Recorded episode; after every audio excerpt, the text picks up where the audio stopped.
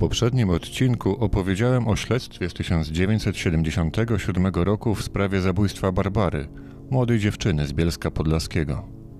Do zbrodni przyznał się wtedy 21-letni Anatol Firsowicz. W trakcie jednego z przesłuchań zupełnie niespodziewanie opowiedział o zdarzeniu sprzed roku, kiedy to pozbawił życia 16-letnią Teresę. Obie ofiary na kilka chwil przed śmiercią wracały do domu i obu zostało do przejścia zaledwie kilkaset metrów. Czytając akta tej sprawy, wielokrotnie zastanawiałem się nad tym, jak niewiele brakowało, aby do zbrodni nie doszło i jak bardzo prawdziwe w tym przypadku jest powiedzenie znaleźć się w złym miejscu i w złym czasie. Jan i Janina pobrali się w 1955 roku i początkowo mieszkali w Domatkowie w województwie podkarpackim. Po kilku latach przeprowadzili się do województwa wrocławskiego, obecnie dolnośląskiego, ponieważ oboje stwierdzili, że gospodarstwo matki Janiny, w którym do tej pory mieszkali, było dla nich zbyt małe. W nowym miejscu Jan znalazł pracę w oborze w majątku Brzeźno, a Janina pomagała mu w pracy. Po jakimś czasie jednak rodzice kobiety zaczęli nalegać, aby wróciła w rodzinne strony, aby być bliżej nich. Młode małżeństwo uległo tym namowom i stało się tak, że Janina zamieszkała z rodzicami, a jej mąż wprowadził się do jej siostry w miejscowości Szerszenie, gdzie znalazł pracę. Niedługo później Jan przeczytał w gazecie o możliwości zakupu domu w miejscowości Słowiczyn, która znajdowała się bardzo blisko Siemiatycz. Małżonkowie zdecydowali się na zakup domu i po przeprowadzce zaczęli się urządzać w nowym otoczeniu. Jan dostał pracę w mleczarni, a Janina w domu opieki społecznej. Można powiedzieć, że w końcu się ustabilizowali, a w międzyczasie pojawiły się w ich życiu dzieci. Trzy siostry: Elżbieta, Krystyna i Teresa. Teresa była najmłodszym dzieckiem Jana i Janiny. Urodziła się w 1962 roku i w 1976 była uczennicą ósmej klasy szkoły podstawowej w Siemiatyczach. W piątej lub szóstej klasie zaczęła uczęszczać na zajęcia muzyczne zespołu Okarynka, które odbywały się dwa razy w tygodniu w Siemiatyckim Domu Kultury. Zajęcia te kończyły się o różnych porach i czasem wracała z nich sama, ale kiedy było już późno, informowała o tym domowników i wtedy odbierał ją ojciec lub matka.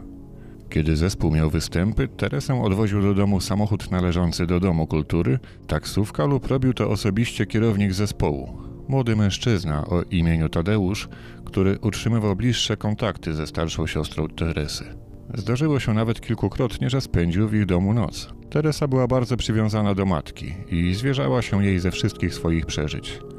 Nie lubiła nocować u koleżanek i kiedy nawet nadarzała się ku temu okazja, wolała zostać w domu. Jak wspominała jej matka, Teresa nie lubiła, kiedy do jej sióstr przychodzili koledzy i niechętnie wychodziła na przyjęcia z rodzicami. W czasie wakacji w 1976 roku najpierw pojechała na biwak organizowany przez szkołę, potem z matką do jej rodziny, a następnie z siostrą na obóz wędrowny. Ostatnie dni przed rozpoczęciem roku szkolnego dziewczyna spędziła w domu. 25 sierpnia 1976 roku w szkole, do której chodziła Teresa, trwały już lekcje. Po ich zakończeniu ósmoklasistka wróciła do domu, ale po południu wyszła pieszo na zajęcia religii do kościoła w Siemiatyczach. Trwały one niecałą godzinę i już około 17.30 Teresa była z powrotem w domu. Powiedziała wtedy matce, że gdy szła drogą, zatrzymał się przy niej duży samochód, którego kierowca zaproponował jej podwiezienie, ale ponieważ znajdowała się blisko domu, odmówiła. Inna rzecz, że matka wielokrotnie upominała ją i jej siostry, żeby nie wsiadały do samochodów nieznajomych. 26 sierpnia Jan i Janina rano wyszli do pracy, a w domu pozostały ich trzy córki.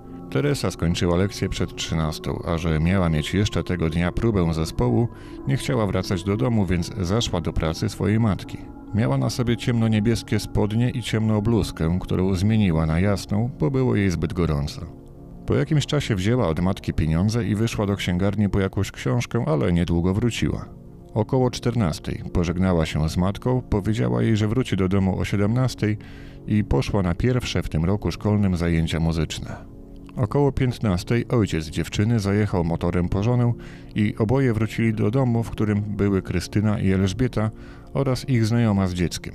Jan pośpiesznie zjadł przygotowany obiad i wyszedł, ponieważ był umówiony z sąsiadem. Z kolei dwie siostry Teresy poszły do lasu na grzyby. Kiedy zbliżała się godzina 17, pani Janina coraz częściej podchodziła do okna, wyglądając najmłodszej córki. W którymś momencie zauważyła na drodze jadący bardzo powoli samochód dostawczy i z jakiegoś powodu ten widok ją zaniepokoił. Niedługo później tą samą drogą przejechał kolejny pojazd, a pani Janina znów poczuła ukłucie niepokoju. Mijały kolejne minuty, a Teresa nie nadchodziła. Żeby zająć czymś myśli, jej matka wyszła do sąsiadki po mleko, a ponieważ jej nie zastała, zawróciła, ale wtedy dogonił ją na rowerze syn kobiety, mówiąc, że mama właśnie przyszła do domu. Pani Janina poszła więc z powrotem i ku swojemu zdziwieniu zastała tam dwie swoje córki. Spędziła w tym towarzystwie trochę czasu i po 18 wróciła do domu, a 10 minut później wróciła też Elżbieta i Krystyna. Wtedy zaczęło do nich docierać, że coś się musiało stać z Teresą, bo do tej pory nigdy się aż tak nie spóźniała. O godzinie 19.10 dwie dziewczyny poszły do Siemiatycz, żeby odszukać siostrę. Pierwsze kroki skierowały do Siemiatyckiego Ośrodka Kultury, ale tam dowiedziały się, że zajęcia muzyczne zakończyły się około 16, a Teresy nie było już w budynku. Zaniepokojone dziewczyny wróciły do domu i zdały relację matce, która następnie poleciła im, aby sprawdziły szpital i koleżanki najmłodszej córki. W żadnym z tych miejsc Teresy nie było. Ponieważ pora robiła się coraz późniejsza, najrozsądniejszą decyzją było powiadomienie milicji i tak zrobiły. Rozpoczęły się poszukiwania, które ze względu na zapadający zmrok zostały około północy przerwane. Sprawdzano między innymi okolice miejsca zamieszkania Teresy, czyli pobliskie lasy i pola. Wcześniej jeszcze siostra zaginionej dziewczyny kilkukrotnie zachodziła do Tadeusza, instruktora zespołu, w którym grała Teresa, ale mężczyzny nie było w mieszkaniu. Udało się jej zastać go dopiero po godzinie 21. Tadeusz powiedział, że próba zakończyła się pomiędzy 16.10 a 16.15, ale nie widział dokąd udała się Teresa po jej zakończeniu. Jak wspomniałem, mężczyzna utrzymywał bliskie stosunki z siostrami zaginionej nastolatki, dlatego od razu przyłączył się do poszukiwań. Następnego dnia kontynuowano je, a o godzinie 6 rano Elżbieta przyniosła na komisariat zdjęcie Teresy. Milicjantom udało się dotrzeć do świadków, którzy widzieli dziewczynę idącą samotnie drogą w kierunku Słowiczyna, wobec czego najbardziej prawdopodobną stała się hipoteza mówiąca, że to na tym odcinku drogi doszło do jej zaginięcia. W tej sytuacji logiczny wniosek podpowiadał, że mogła wsiąść lub zostać siłą wciągnięta do przejeżdżającego samochodu. Warto w tym miejscu przypomnieć, że matka dziewczyny w dniu jej zaginięcia widziała wolno jadący pojazd. Funkcjonariusze włożyli więc dużo trudu w ustalenie, kto przejeżdżał drogą łączącą Siemiatycze ze Słowiczynem w porze, w której Teresa wracała do domu. Pamiętajmy, że po pierwsze mówimy o latach 70., kiedy samochodów było jednak zdecydowanie mniej niż dziś, a po drugie, że wspomniana trasa nie była zbyt uczęszczana. Dlatego też z naszej perspektywy niemal niewykonalne zadanie w tamtych warunkach nie było aż tak trudne. Milicjantom udało się w końcu dotrzeć do kierowców tych aut, o których dowiedzieli się od świadków, ale żaden z nich ani nie miał do przekazania istotnych informacji, ani też nie wydawał się podejrzany.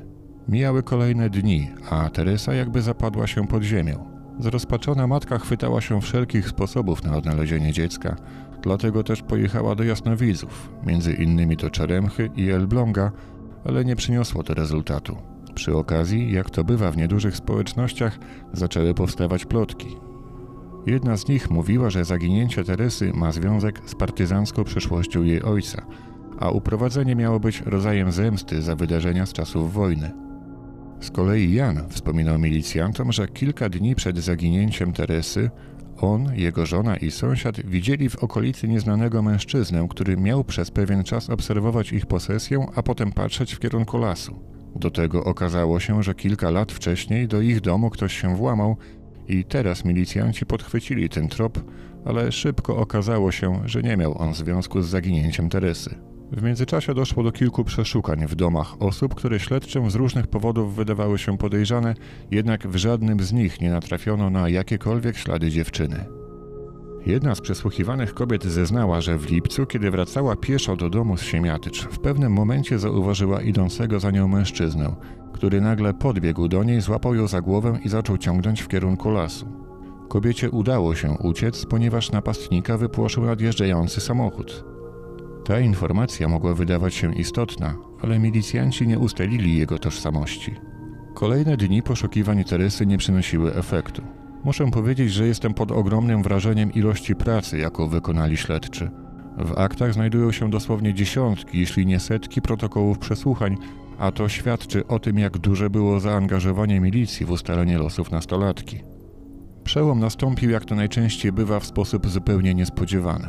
14 września około godziny 20 do jednego z funkcjonariuszy MO zadzwonił telefon. Rozmówca powiedział, że jest księdzem, a w kościele został znaleziony anonimowy list, w którym znajdowały się wskazówki dotyczące miejsca ukrycia zwłok Teresy. Jeszcze tego samego wieczoru milicjant spotkał się z księdzem i odebrał od niego list. Na kopercie nadawca napisał prośba do księdza dziekana. W środku na kartce niewprawnym charakterem pisma ktoś napisał następujące słowa. Uprzejmie proszę księdza, ażeby powiadomił rodziców zaginionej dziewczyny, która zaginęła mniej więcej około 26 sierpnia. Przypadkowo natrafiono na jej zwłoki, które znajdują się w dole zasypane piachem i zarzucone gałęziami. Idąc z Siemiatycz po lewej stronie między polem a sasenkami. Bardzo proszę księdza, ażeby jak najprędzej powiadomił. Następnego dnia rano pod okiem prokuratora śledczy rozpoczęli poszukiwania we wskazanym miejscu. Znajdowało się tam kilka dołów, do których nielegalnie wyrzucano zużyte przedmioty. W jednym z nich, pod stosem gałęzi i worków, natknięto się na wystający z ziemi damski niebieski pantofel. Po odgarnięciu piasku okazało się, że skrywa on ciało Teresy.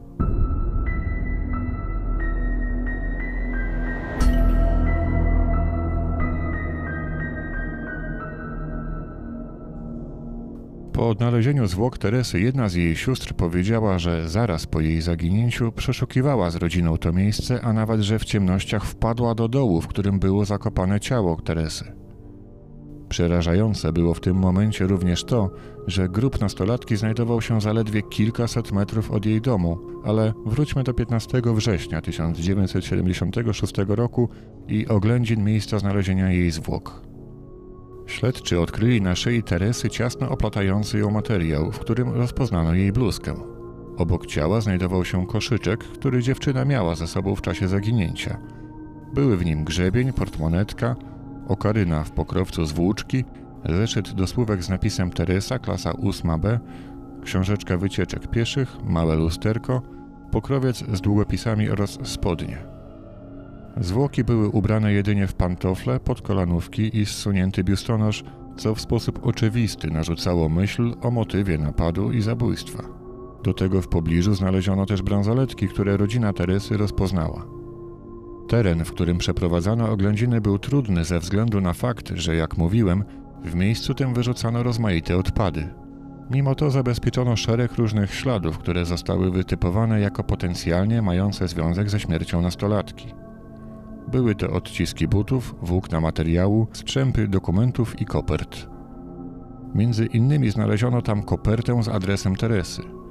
Jak się później okazało, jakiś czas wcześniej w pobliżu przechodziła jedna z jej sióstr, która gdzieś w tamtej okolicy akurat otworzyła kopertę i ją wyrzuciła. Badanie zwłok Teresy wykazało, że przyczyną jej śmierci było uduszenie, a do tego posłużyła zabójcy jej własna bluzka. Postępujący stan rozkładu ciała uniemożliwiał stwierdzenie, czy przed śmiercią dziewczyna została zgwałcona. Odnalezienie jej ciała dawało odpowiedź w zasadzie tylko na dwa pytania: o to, co się z nią stało i jaka była przyczyna jej śmierci. Tyle, że odpowiedzi rodziły jeszcze więcej pytań. Jednym z nich, i to bardzo istotnych, było, co nadawca anonimowego listu wiedział o tej sprawie. Śledczy przyjęli najprostsze, ale i najbardziej logiczne założenie, że autor anonimu albo znał okoliczności zabójstwa Teresy, albo sam był zabójcą. Muszę w tym momencie przyznać, że nie daje mi spokoju jedna myśl. W liście podrzuconym do kościoła było napisane, że na zwłoki dziewczyny natknięto się przypadkowo. Ale nie mówimy o ciele znalezionym gdzieś na łące czy w lesie, czyli w miejscu, w którym ktoś mógł przechodzić. Nawet w najbardziej odludne okolice zawsze w końcu może trafić chociażby grzybiarz. W tym przypadku ciało było zakopane. Jak można było natknąć się na nie przypadkiem? Myślę, że podobne wątpliwości nurtowały śledczych niemal 50 lat temu. Dlatego priorytetem stało się wtedy ustalenie tożsamości autora anonimu.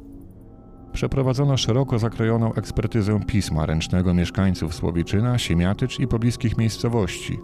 Łącznie sprawdzono około 4000 osób, ale co ciekawe, wśród nich nie natrafiono na tę, której charakter pisma byłby identyczny jak ten, którym został napisany list. Równolegle cały czas trwały inne czynności śledczych. Przesłuchiwano dziesiątki świadków, przeprowadzano przeszukania i weryfikowano alibi tych, którzy choć w najmniejszym stopniu wydawali się podejrzani. Mijały jednak kolejne tygodnie i miesiące, ale wciąż nie udało się wytypować sprawcy. 15 czerwca 1977 roku śledztwo w sprawie zabójstwa Teresy zostało umorzone. Zarówno milicjanci, jak i rodzina zamordowanej dziewczyny musieli przyjąć do wiadomości fakt, że nie będzie im dane ani poznać tożsamości zabójcy, ani tym bardziej usłyszeć skazującego go wyroku. Domyślam się, co musieli czuć, bo jest chyba w nas naturalna potrzeba, aby zbrodnia została ukarana i kiedy tak się nie dzieje, porządek zostaje zachwiany. Do tego dochodzi poczucie niesprawiedliwości wynikające z tego, że niewinna dziewczyna straciła życie, a jej oprawca cieszy się wolnością. Jednak kilka miesięcy później, w listopadzie 1977 roku, zatrzymany w sprawie innego zabójstwa Anatol Firsowicz przyznał się do uduszenia Teresy. Dla jej rodziny był to pierwszy krok, aby sprawiedliwości stało się zadość.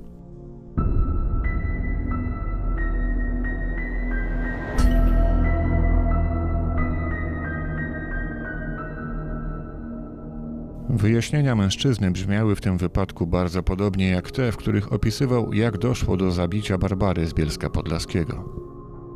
Anatol powiedział śledczym, że kiedy pracował w Bielsku Podlaskim, zdarzało mu się wyjeżdżać na teren budowy szkoły w Siemiatyczach. Były to kilkudniowe wyjazdy związane z kolejnymi etapami prac. Większość jego kolegów codziennie wracała do Bielska Podlaskiego, ale pracownicy mieli też na miejscu zapewniony nocleg w hotelu, choć jak później doprecyzował, był to po prostu barak z kilkoma łóżkami, z którego nikt prawie nie korzystał. Anatol zeznał, że w sierpniu lub wrześniu 1976 roku był przez kilka dni w Siemiatyczach. Jednego razu, gdy około godziny 15 skończył pracę, zjadł obiad w barze Kosmos i przyszedł do hotelu, ale nikogo w nim nie było. Do wieczora pozostało jeszcze kilka godzin i nie mając pomysłu, co robić z wolnym czasem, poszedł do miasta. Do protokołu tak opisał ten moment. Chodząc po mieście, w pewnym momencie poczułem potrzebę odbycia stosunku płciowego z jakąś kobietą. Jeżeli chodzi o sposób, w jaki zamierzałem to zrealizować, to myślałem, że zaproponuję to jakiejś kobiecie, która wyda mi się odpowiednią za pieniądze. W tym czasie, o ile dobrze pamiętam, miałem przy sobie 300-400 zł. O innych sposobach w tym czasie nie myślałem. Czy faktycznie spodziewał się, że napotkana przypadkiem kobieta odda mu się za pieniądze, czy też powiedział to, żeby pokazać, że nie od początku planował zabić? Nie wiem, być może na początku taka myśl przeszła mu przez głowę, ale też szybko przeszedł do realizacji innego planu. Dalej w protokole Anatol wyjaśnił, że w pewnym momencie swojej wędrówki wyszedł poza miasto, a następnie wszedł do lasu. W chwili, gdy dochodziłem do drogi i wychodziłem z lasu, zauważyłem na tej drodze idącą młodą dziewczynę, która szła prawym poboczem tej drogi, patrząc w stronę Siemiatycz. Po wyjściu na drogę poszedłem za nią. Pomyślałem też sobie w tym momencie, widząc, że dziewczyna idzie sama i nikogo nie ma w pobliżu, że nadarza się okazja, by zrealizować swoją chęć odbycia stosunku płciowego. Postanowiłem, że do niej podejdę i zaproponuję jej odbycie ze mną stosunku, przy czym z góry liczyłem się z możliwością odmowy i w takim przypadku już wówczas byłem zdecydowany zmusić ją do tego siłą. W kolejnych zdaniach Anatol opisywał, jak podszedł do Teresy, a kiedy powiedział, czego chce, ta zaczęła uciekać. Następne słowa brzmią niemal identycznie jak te, w których opisywał zabójstwo Barbary. Podbiegłem do niej z tyłu i bez słowa chwyciłem ją prawą ręką za szyję i zacząłem ciągnąć ją w stronę lasu. Pragnąc osiągnąć swój cel i całkowicie ją obezwładnić, by bez przeszkód odbyć z nią stosunek, wziąłem ściągniętą z niej bluzkę i przeciągnąwszy ją z tyłu pod jej głową, zawiązałem tę bluzkę mocno na jej szyi. Po zawiązaniu bluzki stwierdziłem, iż dziewczyna, o której mówiłem, przestała się ruszać i oddychać. To przestraszyło mnie i wtedy też minęło mi wspomniane poprzednio podniecenie. Anatol powiedział, że całe zajście trwało około 20 minut, po czym zostawił ciało Teresy w lesie, a sam wrócił do hotelu, gdzie próbował zasnąć. W nocy jednak niepostrzeżenie wyszedł z hotelu i poszedł do lasu. Następnie znalazł na jego skraju jakieś wykopy czy doły i w jednym z nich zakopał zwłoki Teresy, używając do tego znalezionego na miejscu narzędzia. Tutaj dodam, że kiedy śledczy dokonywali oględzin miejsca znalezienia ciała nastolatki, znaleźli kawałek łopaty. Być może tego właśnie przedmiotu używał Anatol do zasypywania ciała zamordowanej dziewczyny.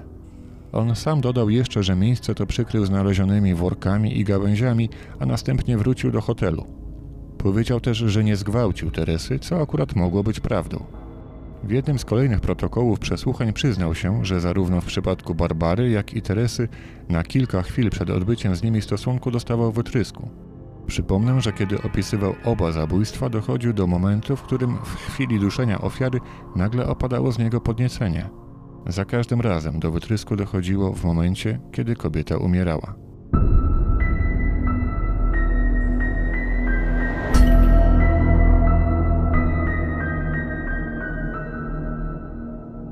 Przesłuchując Anatola, śledczy wrócili do sprawy anonimowego listu. Ich hipoteza w czasie śledztwa zakładała, że jego autorem mógł być sprawca zabójstwa. Jednak porównanie charakterów pisma nie potwierdzało tych przypuszczeń, a podejrzany zaprzeczał, aby komukolwiek mówił o swoich czynach. Zresztą o tajemnicach listu opowiem w kolejnym odcinku. Teraz wspomnę tylko, że ekspertyza wykazała, że napis na kopercie wykonały dwie różne osoby. 5 kwietnia 1978 roku o godzinie 11.15 na ulicy Sportowej w Siemiatyczach rozpoczęła się wizja lokalna.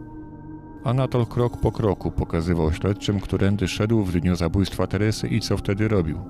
Następnie wskazał miejsce, w którym zaatakował Teresę, a to, jak wspomniałem wcześniej, stało się dosłownie kilkaset metrów od jej domu. Kolejny raz wszystkie elementy znalazły się na swoim miejscu i kolejny raz stało się coś, czego z pewnością nikt się nie spodziewał. 10 stycznia 1978 roku, w czasie kolejnego przesłuchania, Anatol w pewnym momencie powiedział: Po przesłuchaniu mnie w dniu dzisiejszym na temat zabójstwa młodej dziewczyny w Siemiatyczach w roku 1976 Obecnie pragnę ujawnić fakt kolejnego zabójstwa dokonanego przeze mnie między 8 a 10 stycznia 1971 roku przy drodze prowadzącej z Bielska Podlaskiego do wsi Widowo. Tego dnia, co właśnie chcę ujawnić, pozbawiłem życia dziesięcioletnią Antoninę, którą udusiłem pętlą z drutu.